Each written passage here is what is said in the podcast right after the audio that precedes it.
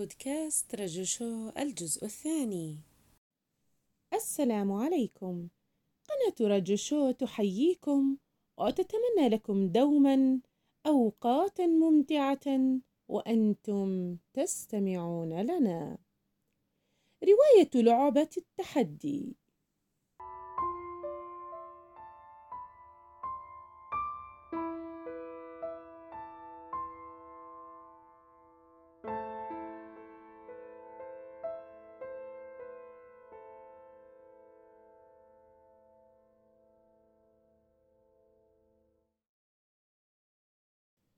أكمل فارس كلامه وقال إنني أتحداك بلعبة الشطرنج.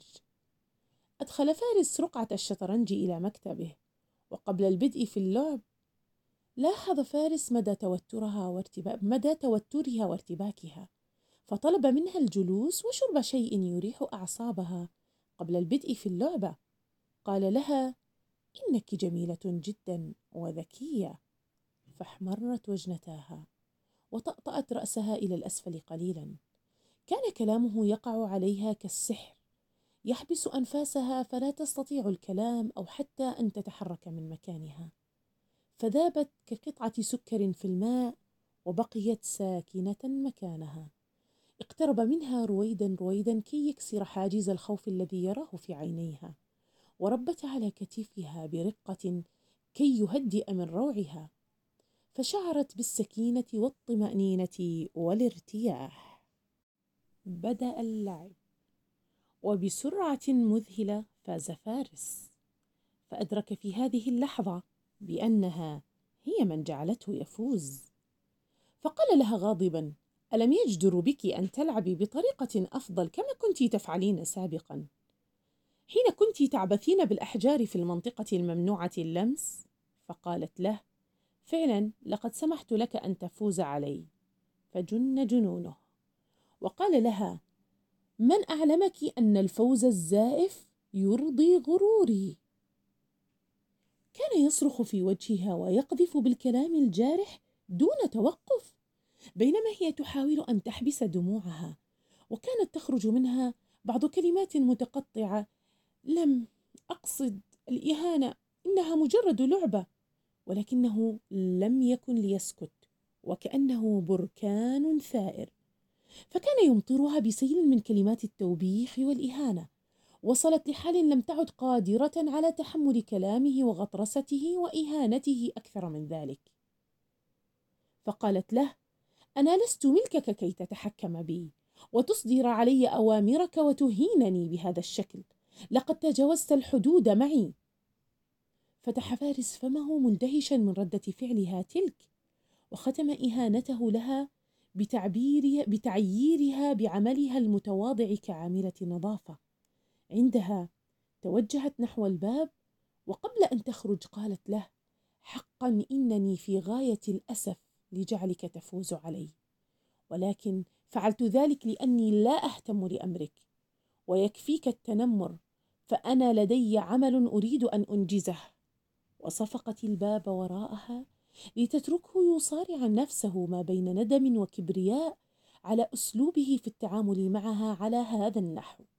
فهو على كل حال كان لا يرغب أن أن ينهي لقاءهما على هذا النحو المشين. وعندما قرر أن يلحق بها كانت قد غادرت المكان. وصلت سامية منزلها وهي تجر اذيال الخيبة والألم. وتسأل نفسها لماذا؟ لماذا الجميع يسيء إلي دوما هكذا؟ يا إلهي ماذا أفعل؟ هل سيتصل بشركتها ويطلب منهم فصلها من العمل؟ أم أترك العمل وأبقى على وأبقي على كرامتي؟ ولكني لا أستطيع أن أفعل ذلك فوضعي المادي لا يتحمل أن أترك العمل ليوم واحد. وفي اليوم التالي قررت أن تدوس على كل آلامها وحسراتها وتذهب إلى العمل من جديد وكأن شيئا لم يكن. وهناك وجدته مجددا يتمشى بين موظفيه ويتفقدهم. سرت بجسدها رجفة حاولت أن تكتمها. سيطرت بصعوبة على نفسها عندما رأته مقبلا نحوها ولكن كان يبدو على وجهه السعادة وشفتاه تنفرج عن ابتسامة رقيقة يوجهها لها. وهو يقترب منها. قال لها أعتذر. صمتت وتنفست الصعداء إنها على الأقل لن تفصل من عملها. طلب اللعب معها مرة أخرى فقالت في نفسها على ما يبدو أنه يلعب بي وليس بلعبته تلك.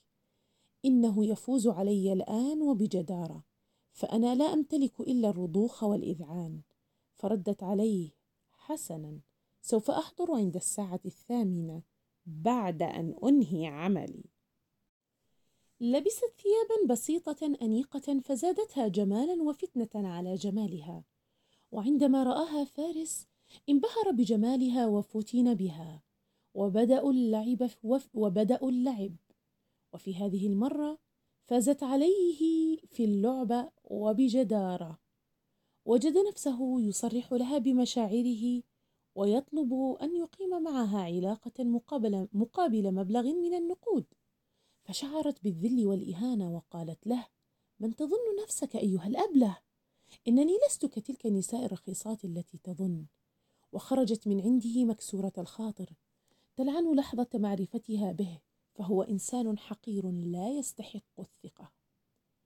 وصلت إلى فارس أخبار التقصي عن سامية وأنها عندما كانت بعمر السنتين تم تبنيها من أبوين آسيويين ولكنها عادت مرة أخرى يتيمة بعد أن مات أبويها بالتبني في حادث غرق باخرة.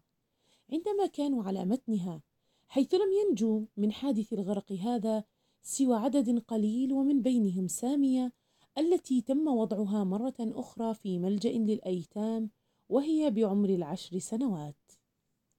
كانت سامية تلميذة نابغة ومتقدمة وينتظرها مستقبل باهر ولكنها انقطعت عن دراستها الأكاديمية واختفت ولا يوجد معلومات عن سبب اختفائها وكيف ولماذا وماذا فعلت في تلك الفترة.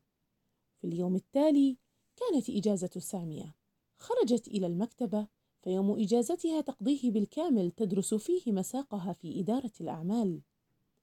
قربت على الانتهاء من الدراسة في الجامعة ولم يتبق لها سوى فصل واحد. وتنطلق بعده إلى عالم الأعمال. إن خيالها وطموحها لن يرضيا بأن تكون موظفة عادية. إنها تعد نفسها لشيء أكبر في حياتها. وفي أثناء عودتها إلى البيت جاءها الاتصال الذي كانت تخشاه. لقد استغنت عنها شركتها بناء على شكوى مقدمة من السيد فارس. للمرة الألف. تذكرت السنوات التي قضتها في السجن ظلما بسبب سرقة لم ترتكبها. كم هي قاسية الحياة معها ولا تريد أن ترحمها. أينما تذهب يحل عليها الظلم. ترى لماذا كل هذا القهر في حياتها؟ لم يعد يحطمها الأمر أو يهزها كما كان في السابق. ففي السابق كانت صغيرة وضعيفة بائسة بدون عائلة وسند تلتجئ إليه. كان الخوف والفراغ وقلة الحيلة يحيطان بها.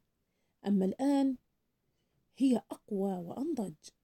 لقد شكلتها الحياة بكل قسوتها وجعلتها صلبة قوية وواثقة من نفسها. وعندها من الاستعداد الذي يكفيها لأن تواجه من هو أكبر من فارس الأحمق هذا. فقررت الذهاب إليه وتلقينه درسا لن ينساه ما حيي أبدا. ولما وصلت إليه وجدته مع جمع من الموظفين يودعهم لأنه يستعد للسفر بضعة أيام خارج البلد لم تتمكن سامية من الاختلاء به ولومه على ما فعل بها وعندما رآها من بين الجمع رحب هو بها وسألها أين كنت؟ لقد طلبت من رجل الأمن الخاص أن يبحث عنك ويعرف مكان إقامتك ولكنك ولكنه إلى الآن لم يفلح في ذلك هل أنت بخير؟ التزمت سامية الصمت ولم تنبس بكلمة أمام الحضور ثم استغلت صعوده الدرج وحيدا عندما هم للخروج فذهبت إليه وعنفته بشدة لأنه السبب في جعل شركتها تستغني عنها. تفاجأ فارس من كلامها وقال صدقيني أنا لم أفعل ذلك وعلى ما يبدو أن شركتك أساءت الظن بك عندما وجدوا رجل الأمن خاصتي يبحث عن عنوان منزلك ويستقصي عن أخبارك فقاموا بفصلك من العمل. وعدها بتأمين عمل لها أفضل في مجال خدمة العملاء وعلى الفور. فرحت سامية بهذا الخبر ووافقت دون تفكير فقد رأت في فارس الوجه الآخر الحسن الذي لم تره منذ عرفته أعطاها فارس عنوان العمل الجديد وطلب منها أن تباشر عملها حتى يعود من سفره. قالت في نفسها لابد أن فارس قد علم بأنها فتاة جامعية وتستحق هذه الوظيفة. ولكن فجأة قطبت حاجبيها وانتابها غصة في حلقها وقالت ماذا لو عرف أني كنت في السجن متهمة؟ غادر فارس وهو يفكر بتلك الشقراء ذات العينين الخضراء والتي أسرت قلبه وأشغلت فكره. لم تكن سامية أقل انشغالا من فارس في التفكير فحالها كحاله. لقد بدأ قلبها ينبض بشدة لذكر اسمه وعقلها دائم التفكير به وصورته لا تفارق خيالها. فراحت تبحث عن شخصه على صفحات التعارف في الإنترنت وتسأل عنه في الشركة التي تعمل بها وتسأل كل من يعرفه. وكم تفاجأت حين عرفت بالكم الهائل من الثروة التي يمتلكها. وبأنه رجل أعمال مشهور ومرموق في موقعه وبأنه أيضا لديه رفقة لا بأس بها من النساء فهو كل يوم يغير امرأة كما يغير قميصه. لم يكن يهمها التفكير بمقدار ثروته قدر تفكيرها وحزنها عندما سمعت عن علاقاته النسائية الكثيرة. بدأت سامية عملها بهمة عالية وفي غاية الحماس. كانت شعلة من النشاط والحيوية.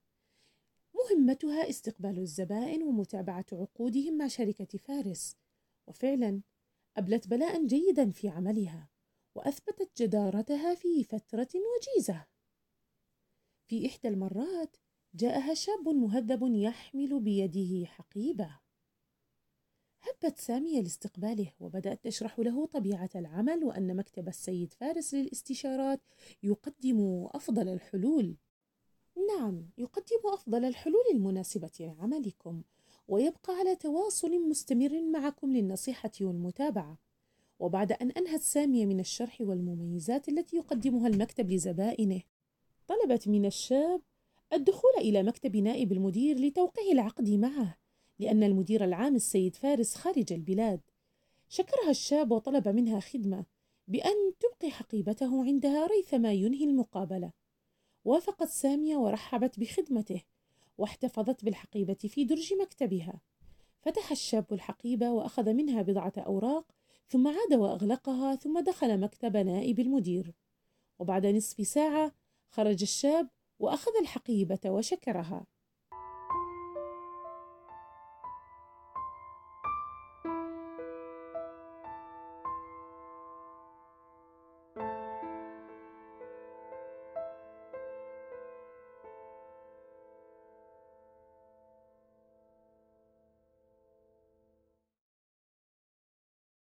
نهاية الجزء الثاني بودكاست رجو شو إلى اللقاء في الجزء الثالث.